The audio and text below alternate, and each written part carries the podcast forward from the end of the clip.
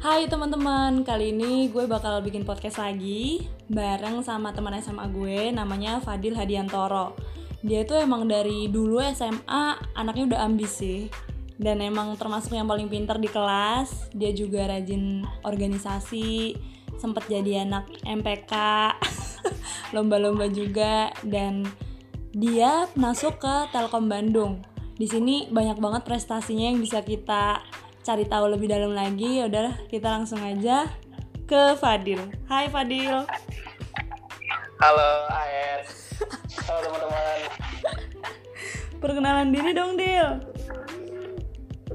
Ya, oke. Okay. Uh, eh, halo teman-teman Aet atau semua yang nonton.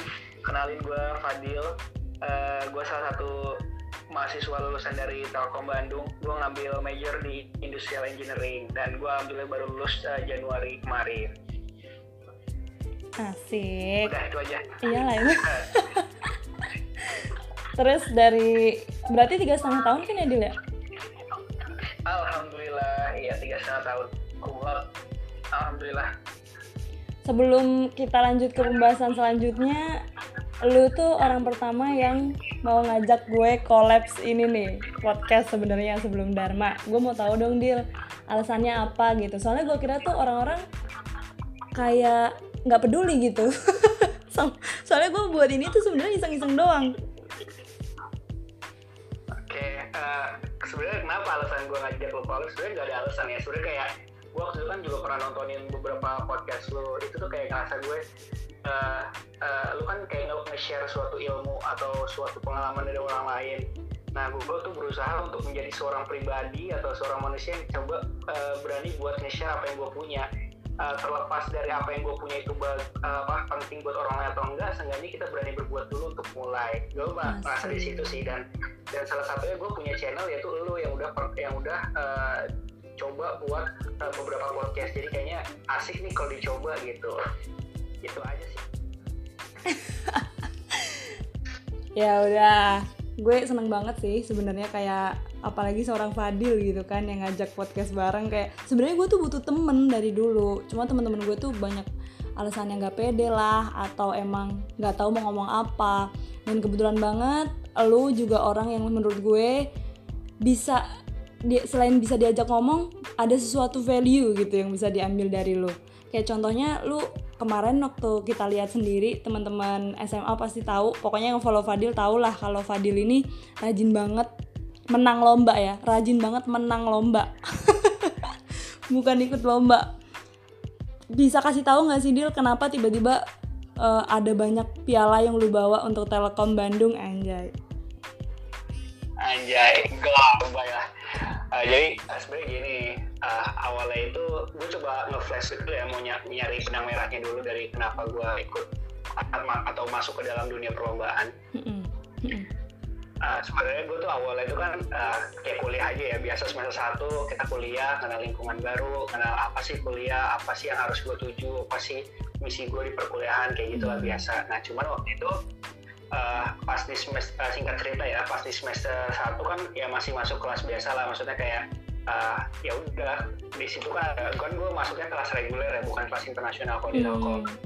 nah pas di situ pas di, uh, setelah satu semester beranjak masuk ke semester 2 dari semester 2 itu waktu itu ada namanya program khusus akselerasi untuk uh, memang anak-anak atau apa mahasiswa-mahasiswa yang pengen uh, punya mimpi gitu buat uh, bisa lulus cepat gitu jadi kalau hmm. for information aja di Telkom itu untuk uh, khususnya untuk di jurusan gue kayak industrial engineering itu nggak bisa uh, kalau nggak dalam program khusus nggak masuk program khusus itu kayak nggak bisa uh, buat lulus tiga setengah tahun jadi kayak paket-paketan gitu loh jadi semua di walaupun lu bisa ngambil SKS banyak tapi lu pasti eh, empat uh, tahun kalau misalnya nggak ngambil program khusus nah waktu itu hmm. karena gue mendengar ke, ya karena gue mendengar adanya kesempatan ini gue coba ngambil deh tuh program khususnya yaitu EBC namanya English Best Class jadi hmm. ya sebenarnya hmm, sebenarnya itu kayak program apa ya program buat uh, uh, akselerasi aja biar bisa tiga setengah tahun gitu. Jadi ntar dipaket-paketin sama fakultas tapi dipaket-paketin itu dengan pertambahan SKS kayak gitu. Jadi di, di setting biar kita bisa lulus cepat kayak gitu. Nah singkat cerita waktu pas gue pertama kali masuk uh, kelas itu itu tuh apa ya gimana ya mungkin uh, kayak environmentnya juga agak berubah gitu. Kayak misalnya uh, ketemunya teman-temannya tuh yang kayak ambis-ambis kayak gitu. Nah, ibaratnya kan itu kayak ya gimana lah kayak gitu. Jadi kayak ada wah ada tantangan baru ada teman-teman yang ada baru yang mereka gitu. juga iya. Mereka ambis-ambis. Terus pas waktu pas pertama kali masuk kelas ABC gue kayak ngerasa di situ juga pertama kali gue nentuin uh, misi gue dalam uh, dunia perkuliahan. Di situ gue nentuin uh, iya karena buat gue wah kuliah nih. Gue kuliah tiga tahun atau empat tahun uh, uh, terus ketika gue lulus nanti gue dapat gelar sarjana. Tapi kalau gue nggak norain apa-apa ntar CV gue mau, mau mau apa yang ditampilin gitu? Apa bedanya gue dengan berapa ratus ribu orang uh, di luar sana ketika gue hanya punya pengalaman dalam berkuliah doang kayak gitu? Jadi gue ngerasa kayaknya harus ada suatu suatu apa ya suatu capaian yang harus gue buat dalam masa-masa perkuliahan kayak hmm. gitu. Berarti menurut gue nah, lingkungan tuh bener-bener ngaruh banget ya Dil kayak ketika lu masuk ke iya. kelas itu terus ya udah akhirnya lu mikir kalau emang harus ada sesuatu dari lu yang bisa bermanfaat gitulah intinya soalnya adik gue nih dia kan baru masuk kuliah kayaknya belum ada gitu kepikiran kayak gitu karena lingkungannya gitu loh Iya ya, lanjut lanjut. Pas pertama kali gue masuk EBC, kayak beberapa bulan setelah gue nentuin uh, misi gue di perkuliahan untuk menggapai atau men, uh, ya mencapai torehan-torehan apa pun itu, uh, gak berapa lama setelah itu, uh, gue ketemu temen nih, salah satu anak EBC juga. Nah dia tuh emang dari SMA sudah sudah sering banget buat di dunia perlombaan uh, apalagi perlombaan terkait dengan bisnis. Nah dari situ itu pertama kalinya banget gue masuk ke dunia perlombaan nah gue diajak sama dia tuh sama teman gue itu. Nah dari situ gue belajar belajar bagaimana caranya sih lomba. Nah itu tuh kalau masalah uh, uh, kompetisi ya dunia kompetisi gue tuh lebih banyak berputar di bidang bisnis plan bisnis simulation uh, marketing action. Pokoknya berhubungan dengan bisnis bisnis aja sih kalau uh, perlombaan-perlombaan yang udah pernah gue lakuin. Hmm. nah itu tuh hmm, bener-bener gue tuh diajak sama ya gue tuh diajak sama temen gue dan gue tuh kayak diajarin apa pun uh, bagaimana dasar-dasarnya. Nah itu sih yang buat gue kayak ngebuka diri.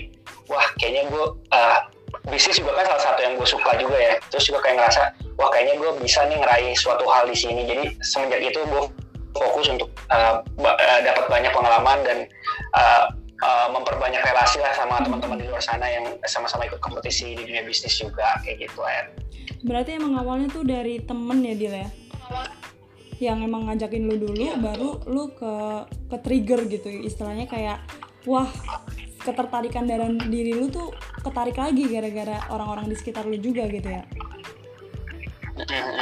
ibaratnya gini deh uh, mungkin gue kasih contoh simpel ya sebenarnya lingkungan itu emang kadang-kadang bisa ngebuat lu under pressure tapi bagaimana caranya lingkungan itu juga bisa ngebuat lu jadi ke trigger hmm. sebenarnya gini contohnya ketika lu dalam suatu kelas ketika lu dalam suatu kelas terus misalnya ada pelajaran kalkulus lah hmm, hmm, hmm. ketika lu dalam suatu kelas ada pelajaran kalkulus itu pelajaran kan susah kan ibaratnya yeah. nah ketika ketika lu nggak ngerti lalu environment lu juga sama-sama nggak ngerti lu pasti akan merasa kayak lebih uh, ah gue nggak ngerti. Terus gue pengen nanya nih ah dia juga nggak ngerti. Ah ya udahlah selalu kayak gitu iya, sih? bener-bener kan, tapi ketika lu dalam lingkungan yang berbeda contoh dalam pelajaran kalkulus gue nggak ngerti.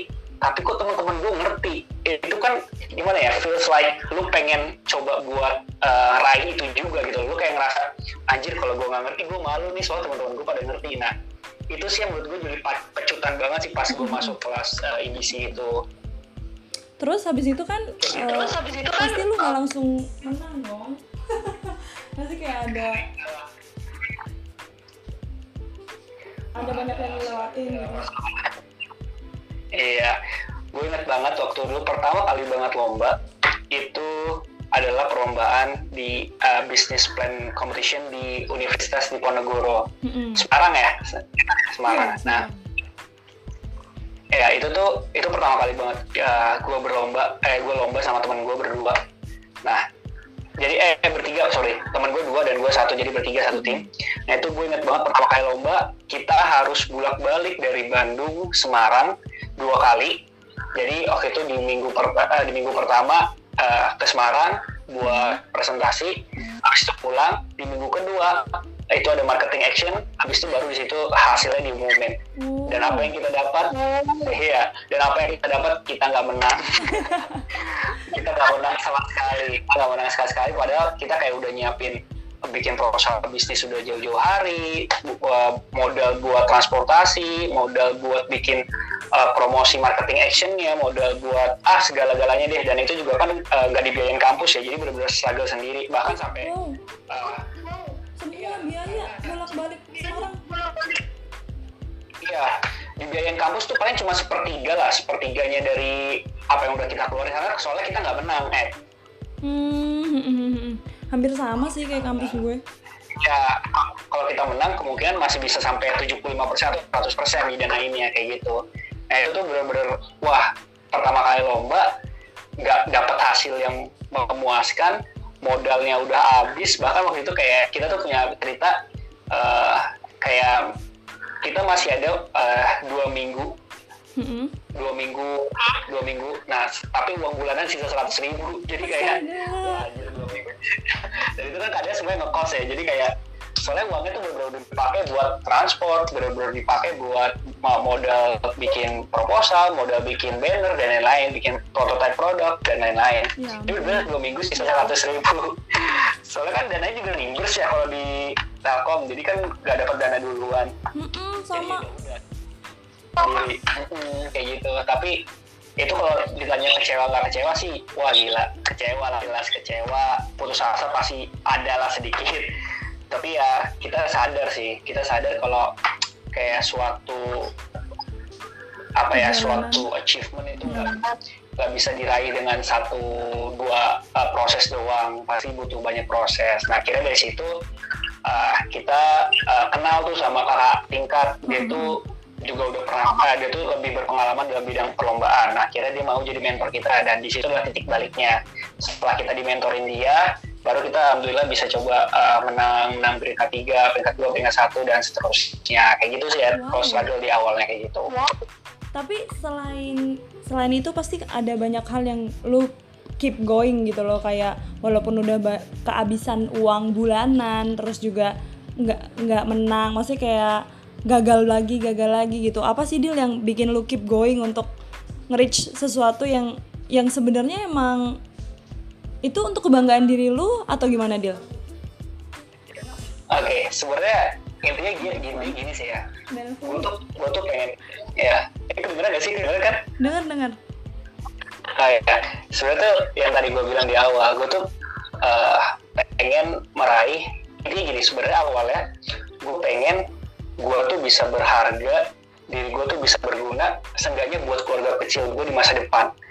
Nah, cara buat gue berharga dan buat berguna bagi keluarga kecil gue di masa depan gue tuh harus bisa gimana ya membuat diri gue tuh lebih bervalue lah dengan cara ketika kalau kita udah bervalue kita kayaknya lebih akan lebih mudah untuk atau enggak kita diberikan kesempatan yang lebih besar untuk dapat uh, menerima pekerjaan iya nggak sih? Ah, iyalah.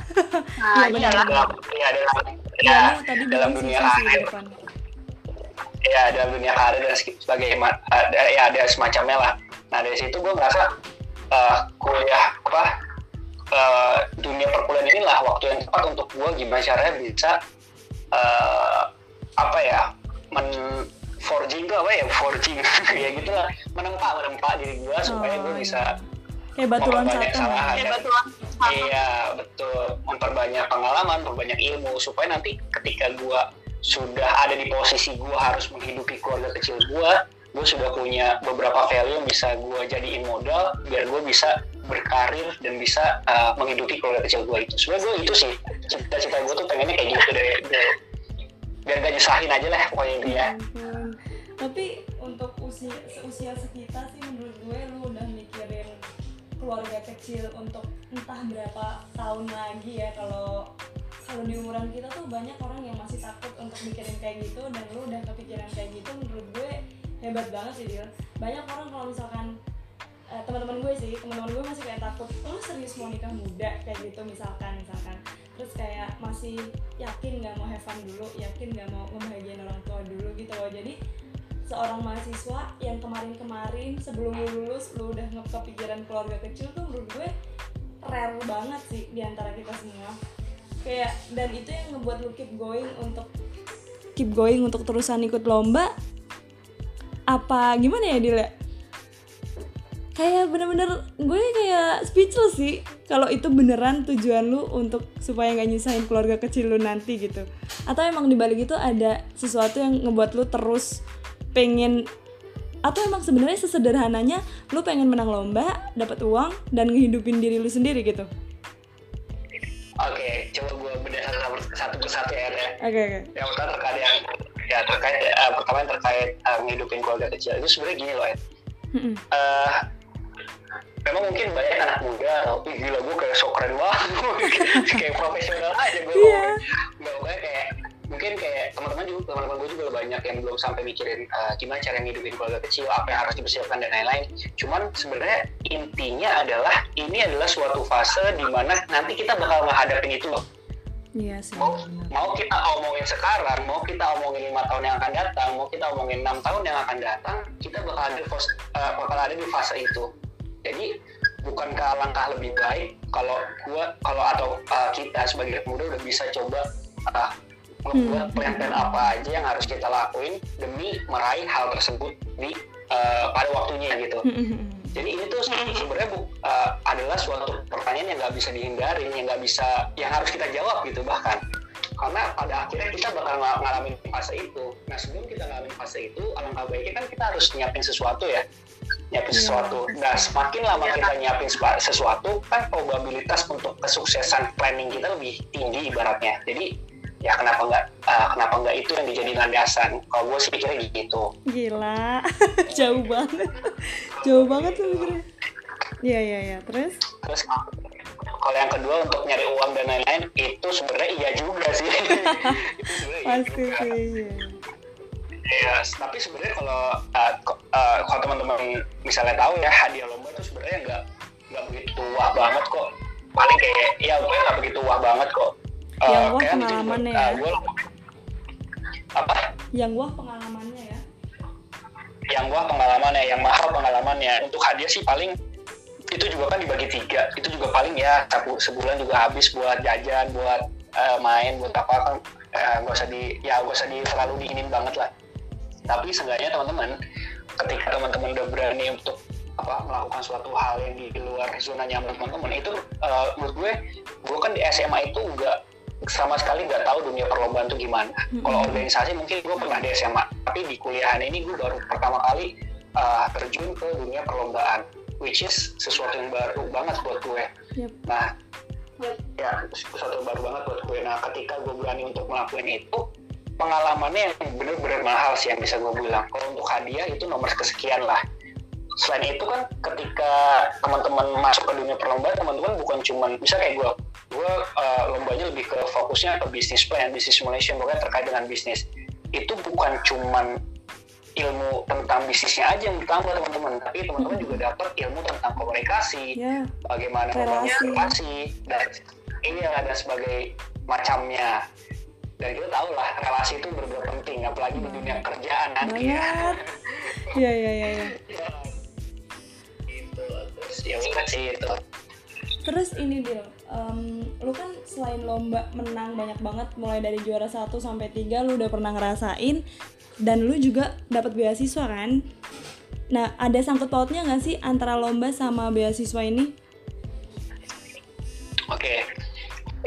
ini sebenarnya menarik nih ngomongin beasiswa yang gue dapet karena gini uh, sebenarnya gimana ya sebelumnya sebenarnya sebelum gue dapet uh, beasiswa itu ada satu satu hal yang membuat gue berusaha untuk mendapatkan beasiswa demi mempermudah atau ya apa ya ya mempermudah uh, orang, orang tua yang membantu dan mempermudah orang tua gue dalam membiayai gue sih sebenarnya. Karena waktu itu ketika 2000 2018 2018 itu kan kayak uh, orang tua gue ada bisnis gitu lah ya. Ada bisnis terkait travel agency.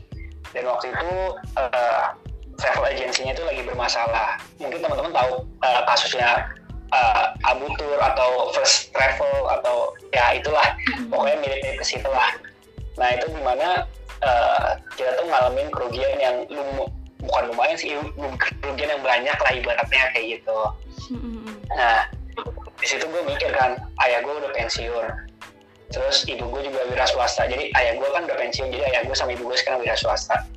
Nah situ gue mikir sedangkan tanggungannya itu masih ada gue dan biaya kuliah itu bisa dibilang satu semester kan lumayan ya mahal ya 8 juta mah lumayan lah. Belum lagi biaya kosan belum lagi biaya biaya makan. biaya makan dan lain-lain itu banyak kan lumayan. Akhirnya waktu itu coba nyari-nyari sih coba nyari-nyari banget uh, terkait beasiswa dan waktu itu oke okay, waktu itu pas uh, ini sebelum terkait beasiswa ya waktu itu pas bener keluarga gue lagi ngalamin uh, financial trouble bisa dibilang kayak gitu yeah. Iya. uh, gue tuh inget banget di situ gue keadaannya baru banget abis menang uh, salah satu lomba di binus uh, international simbis asia jadi mm-hmm. itu perlombaan terkait uh, business plan terus ada uh, mini gamesnya sama ada pas business simulation itu digabung jadi satu. Dan mm-hmm. itu ada di binus dan itu alhamdulillah gue juara satu. Tapi pas gue juara satu mm-hmm. itu pas banget kondisinya bahwa keluarga gue sedang mengalami financial trouble. Jadi kayak gue merasa anjir oke okay lah gue juara satu. Hadiahnya lumayan besar.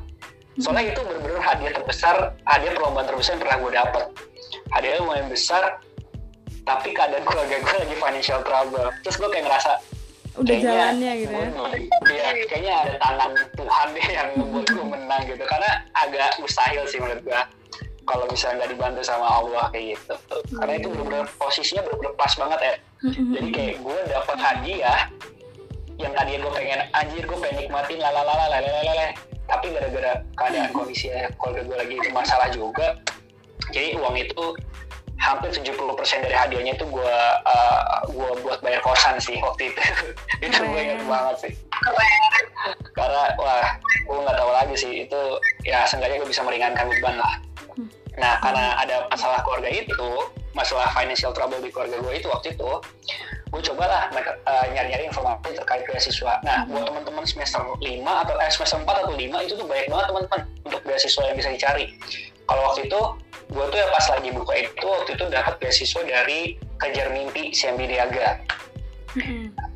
nah waktu itu sih pas gue cari-cari uh, si kejar mimpi scholarship ini lumayan banyak ya ngebantunya karena ada dikasih biaya semester, dikasih laptop oh. juga, jadi kayak wah lumayan banget gitu. Parah sih itu untuk nah, parah sih, mahasiswa. Iya. Parah banget, makanya itu sangat membantu sih buat gue, karena kan bisa ibaratnya kayak gue cuma nambahin dikit lah untuk biaya kuliah, uh, untuk biaya semester kuliahan. Nah, Tapi syaratnya apa gitu dia? Maksudnya kayak syarat untuk mendapatkan beasiswa itu cukup sulit nggak? uh, syarat beasiswa sih standar lah ya. Pertama tuh pasti ada administrasi tesnya, kayak apa? Administrasi seleksi administrasi itu kan kayak IPK, IPK sampai semester 5, eh semester 5 atau semester 4 itu gue lupa harus di atas 3,5 atau 3,25 gitu gue lupa. Wow. Terus paling ya, mm-hmm. ya paling CV, CV terus kayak nggak pernah ngulang matkul. Terus ya paling gitu-gitu doang sih CV mm-hmm. sama pengalaman organisasi dan lain-lain itu aja sih syarat-syarat hmm. terus paling sisanya ya ada interview test dan udah kayak gitu aja sih kalau kemarin pengalaman gue di scholarship uh, kejar mimpi ini kan lu udah akademik bagus berarti dong seorang yang dapat beasiswa gitu loh terus juga lomba juga dapat juara terus lulusnya tiga setengah tahun terhitung cepat dengan kumlot nggak dong Alhamdulillah kumlot. Ya kan? Pasti ada rahasia dong gimana manage waktu, pikiran, tenaga yang harus lu kerahkan lebih lebih banyak lah dibanding mahasiswa-mahasiswa yang emang belum pernah ikut lomba dan sebagainya. Itu gimana sih caranya, Dil? Oke, okay, uh, eh, sebenarnya gini teman-teman. Kalau misalnya uh, pola manage waktu gue yakin semua orang punya metode yang berbeda-beda ya yep. kalau gue sendiri kalau gue sendiri sih uh, itu kan pas gue pertama kali ikut lomba itu gue juga lagi tergabung sama organisasi lab uh, laboratorium fisika dasar ya di semester 2 nah itu kan uh, gue mulai lomba juga semester 2 perkuliahan dan gue juga lagi ada uh, apa semester 2 itu lagi rekrutasi lab sama semester 3 nya gue udah mulai jadi asisten di lab fisika itu. Sebenarnya kalau gue ya kalau buat semisalnya uh, bagi waktu antar kuliah lomba dan organisasi menurut gue sih uh, gue sih baginya kayak pagi siang dan malam. Pagi itu benar-benar gue khususin buat kuliah belajar dan lain-lain kalau si, uh, siang atau sore itu biasanya gue kan uh, ngasistensiin ya ngasistensiin atau Hmm. ngajar lah ngajar ibarat ngajar di lab fisika dasar nah malam sekitar udah jam 12 itu gue mulai sama tim gue brainstorming idea terkait proposal bisnis yang mau dikembangin atau terkait ngomongin lomba itu biasanya malam terus gitu. Itu setiap Itu hari gitu. gue. Itu setiap hari. Gue setiap hari kalau ada planning buat ya kalau ada target oh pengen ikut lomba ini nih ayo ayo ya udah berarti pasti tuh di jalannya malam karena semua tim gue tuh kayak kan tim gue ada dua dua-duanya tuh juga aktif juga di organisasi jadi kayak ya udah sama-sama nyusahin waktunya bisa tuh kapan ya malam nggak ada pilihan lain gitu kalau nggak weekend pasti malam Itu parah sih, capek banget soalnya pasti. Soalnya pikiran, fisik kepake semua gitu, Dil. Lu gimana ngejaga kesehatannya? Apalagi anak kos. gimana gimana tadi agak keputus Kan kayak lu nyerahin pikiran, terus juga fisik pasti karena harus ngajar dan segala macem. Nah itu jaga kesehatannya gimana gitu? Padahal lu juga anak kos gitu kan? Hmm. Eh, jaga kesehatan ya nggak tahu sih. Tapi lu nggak pernah sakit? Sakit, sakit sih. Nggak, alhamdulillah sih jarang sih sakit. Paling sakit pilek, eh, batuk pilek gitu doang biasa. Sebelum ada corona ya. Oke, Kayak oke, gitu. oke. Terus kan lu juga punya pacar tuh, gimana? Banyak Woi, sebelum ke pacar nih gue ada salah satu yang mau gue omongin juga. gimana tuh? Eh, waktu itu ada satu momen di mana eh, gue, pokoknya setim gue, gue eh, dua sama dua orang tim gue ini dua-duanya megang eh, ketua di salah satu organisasi. Hmm, Jadi alhamdulillah gue, ya alhamdulillah gue waktu pas semester 5 itu gue kepilih jadi head assistant of physics laboratorium di Telkom. Terus itu kayak berarti kan kayak lo harus ngelit 100 eh, di Telkom eh, di laboratorium Fisdas itu ada 140 orang, 150 orang, 140, eh ya 150 orang lah kurang lebih. banyak banget. Nah, 103 orang kurang lebih. Nah itu tuh ketika gue jadi alhamdulillah terpilih jadi uh, koordinator asisten atau head asisten itu tuh kayak ngerasa gue anjir beban gue nambah lagi. Gue harus gue harus kuliah dengan uh, target-target dari fakultas. Terus gue juga masih uh, nyoba-nyoba buat ngelanjutin dunia perlombaan sama ya tugas-tugas lainnya gitu ibarat sama uh, ngejalanin uh, organisasi ini. Makanya. Nah, iya pasti sih gue sih lebih ngerasa kayak vakum dulu sih, vakum dulu sebentar untuk uh, untuk di dunia perlombaan karena dulu banget pas awal tuh kita bers- kita satu tim tuh udah uh, udah setuju kalau target kita per tahun minimal tiga perlombaan harus dimenangin. Nah tapi pas pas di ya pas di semester 5 itu berdua dari berdua dari tim gue itu megang jabatan yang berbeda ibaratnya krusial lah nah kita habis itu benar-benar vakum dulu sebentar karena sebenarnya karena gini pikirannya sih karena lomba itu mungkin bermanfaat untuk diri kita Mm-mm. tapi ketika lo sudah mendapatkan tanggung jawab terkait dengan organisasi ibaratnya yang eh, apa yang mencakup pautkan banyak orang kayaknya lu harus mengutamakan itu dulu deh Iya, Nah, tanggung dari jawabnya lebih. ya, tanggung jawab itu penting banget. Lu gak peduli lu achievement lu banyak, gak peduli lu banyak prestasi apa pun itu, ketika lu lepas tanggung jawab, nama lu bakal buruk men, pasti itu. Pasti banget. Banyak banget kejadian juga sih Iya, di makanya. organisasi gue. Iya makanya, jadi ya menurut gue pribadi sih harus tetap diseimbangin lah kalau ketika lu pengen masuk dunia perlombaan, tapi keadaannya juga lu diberikan tanggung jawab pada suatu organisasi dan posisi lu lumayan krusial, ya lu harus bisa tanggung jawab terhadap posisi lu gitu. Jadi waktu itu kita nge apa ya ngelorin target kita lah dari tiga setiap tahunnya minimal tiga jadi satu aja nggak apa-apa satu dua nggak apa-apa nanti menang satu dua lomba nggak apa-apa lah gitu kayak gitu sih Soalnya amanah penting banget sih. Di pertanggung jawabnya nggak di dunia doang anjay. betul amanah yang utama guys terus Ya, kan terus lu apa banyak ya? banget tanggung ya? jawab tuh Dil emang kalau pacaran nggak ganggu atau emang udah saling ngerti dan memahami? Aduh bahas pacaran. Soalnya kan ini juga ini loh penting gitu. Uh, anak-anak zaman sekarang kalau udah bucin banyak loh yang ninggalin tanggung jawabnya.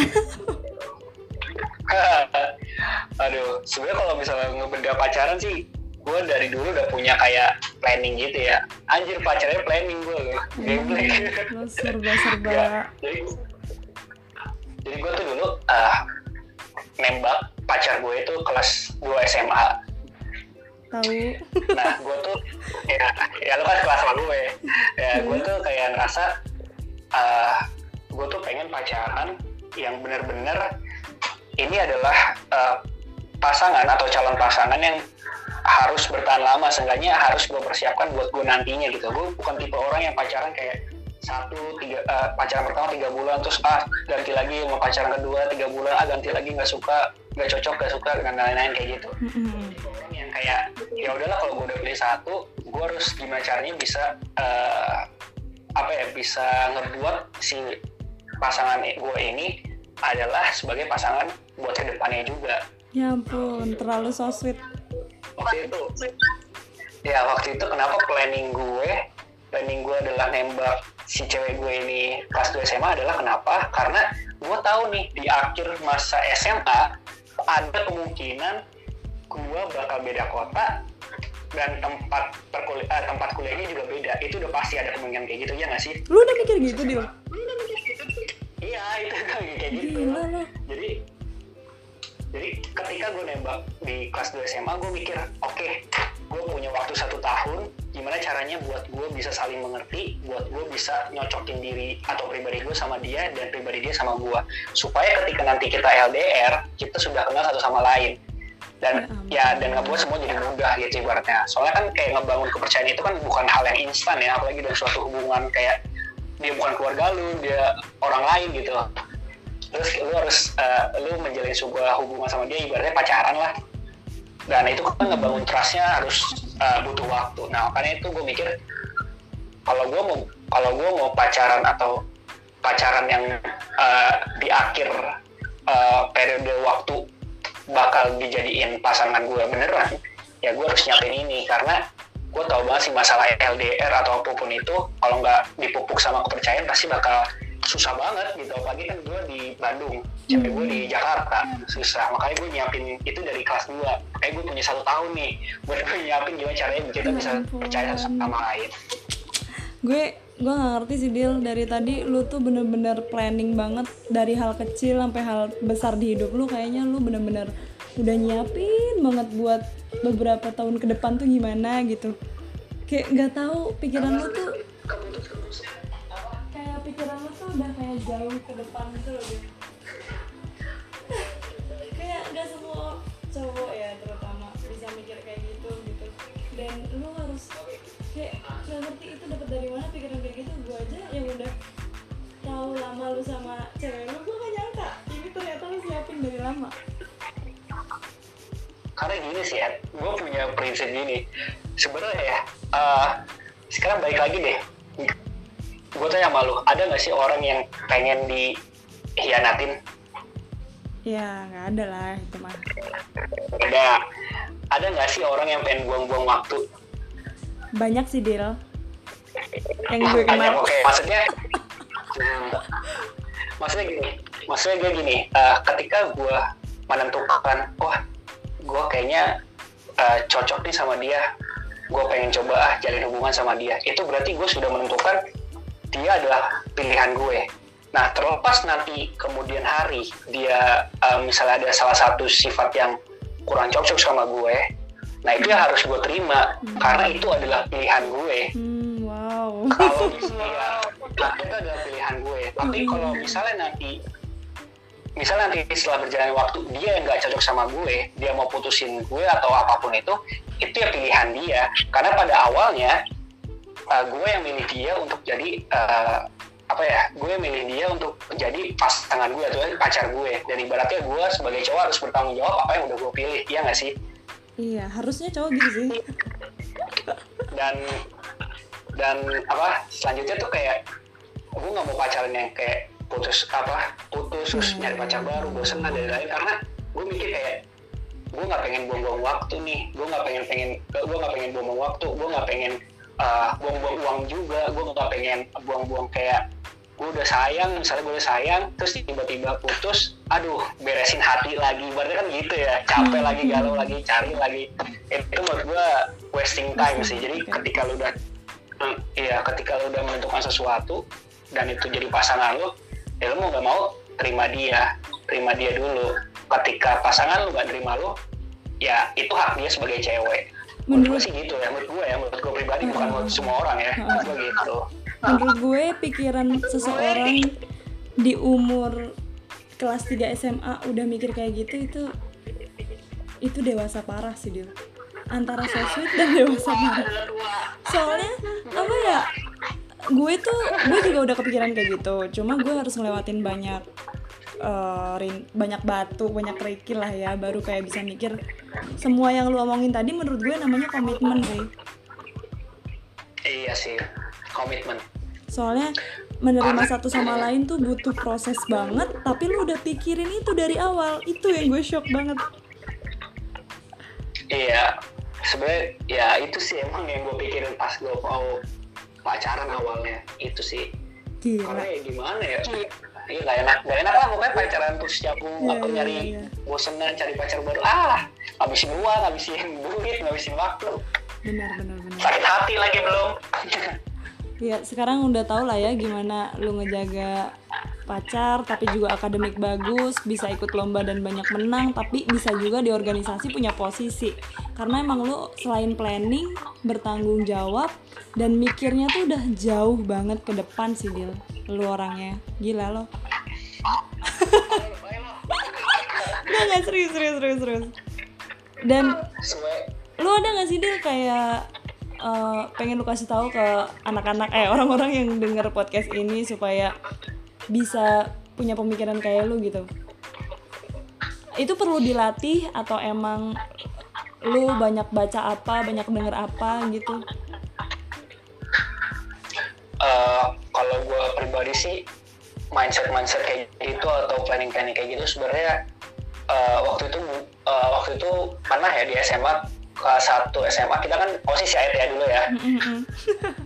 nah, dulu kayak kepala sekolah kita tuh Miss Erl S Elfly ya? Iya Elsie iya Elsie you ya dia tuh pernah iya dia tuh pernah bilang gitu sih ke anak-anak kalau misalnya hidup itu harus penuh dengan perencanaan. Nah perencanaan itu bukanlah suatu hal yang kayak lu besok mau ngapain nih? Lu minggu depan mau ngapain? Tapi perencanaan itu adalah suatu hal yang lu harus pikirin untuk berapa tahun kemudian. Apa yang mau lu capai di berapa tahun kemudian? Misalnya lima tahun kemudian lu pengen jadi apa? Lu pengen ngeraih apa? Dan semacamnya. Nah, waktu itu bisa uh, Miss Elsley itu bilang kalau misalnya membuat rencana itu dibaik dibuat ladder of life atau tangga kehidupan.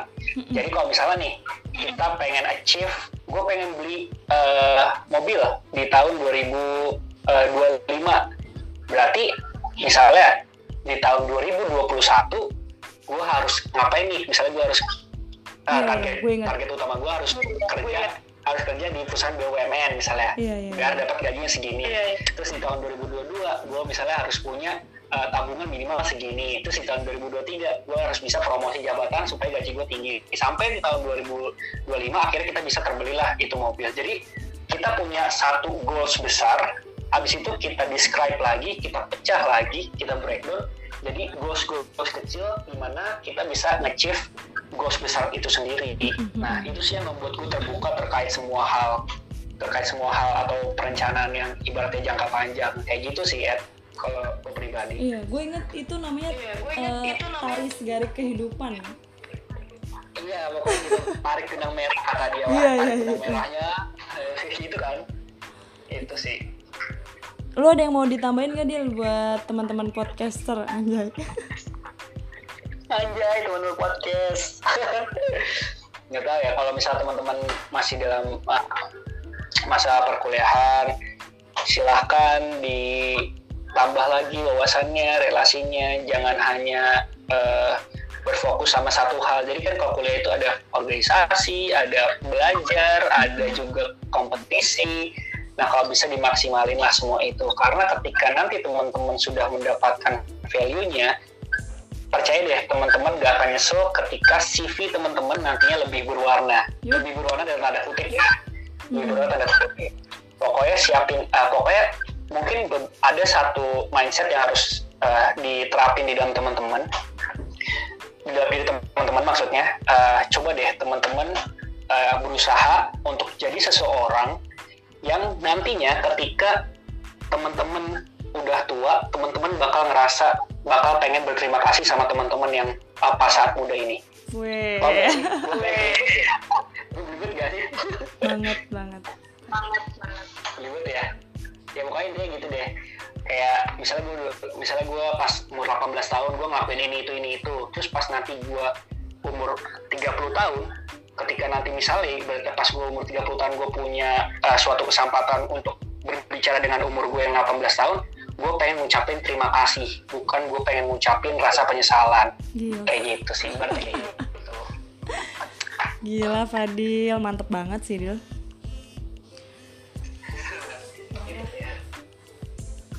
Gue speechless dan gak tahu kesimpulannya apa jadinya karena banyak banget yang bisa diambil. Ada yang mau lo tambahin Dil? Iya. Satu lagi, satu lagi. Ini penting banget sih. Teman-teman mungkin pas abis lulus SMA, terus ketika teman-teman gak masuk ke dunia apa per, apa ke kampus uh, favorit atau PTN gitu teman-teman ngerasa kecewa hmm. itu sebenarnya salah besar sih teman-teman terlepas teman-teman di jadi terlepas teman-teman mau kuliah di mana pun whether itu swasta atau itu negeri itu bakal baik lagi sama value yang ada di diri teman-teman. ya, ya. perkuliahan itu ibaratnya lingkungannya doang tapi semuanya itu balik di diri teman-teman lagi. Terserah teman-teman mau nempa terserah teman-teman mau nempa diri teman-teman jadi baja atau jadi besi lembek. Sebenarnya itu aja sih. Nggak menjamin ketika teman-teman kuliah di PTN teman-teman sukses dan nggak menjamin juga ketika teman-teman kuliah di PT uh, eh, PTS swasta teman-teman nggak sukses kayak gitu jadi semua balik lagi ke mindset dan cara teman-teman menempa diri teman-teman di dunia perkuliahan kayak gitu. Gila, lu jadi motivator aja deh Dil.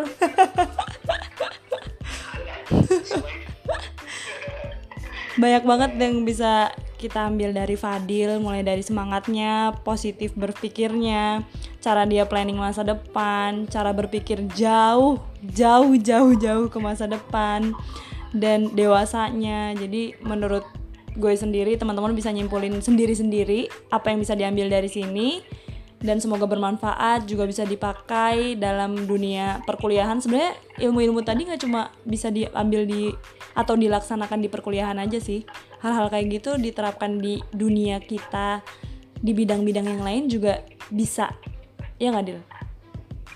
Betul betul betul. Oke mungkin sampai sini aja kali ya Dil ya udah hampir satu jam. Makasih banyak okay, udah okay. dengerin sampai akhir ya teman-teman semua. Yuhu. Dadah di. Assalamualaikum. Ya, makasih waktunya.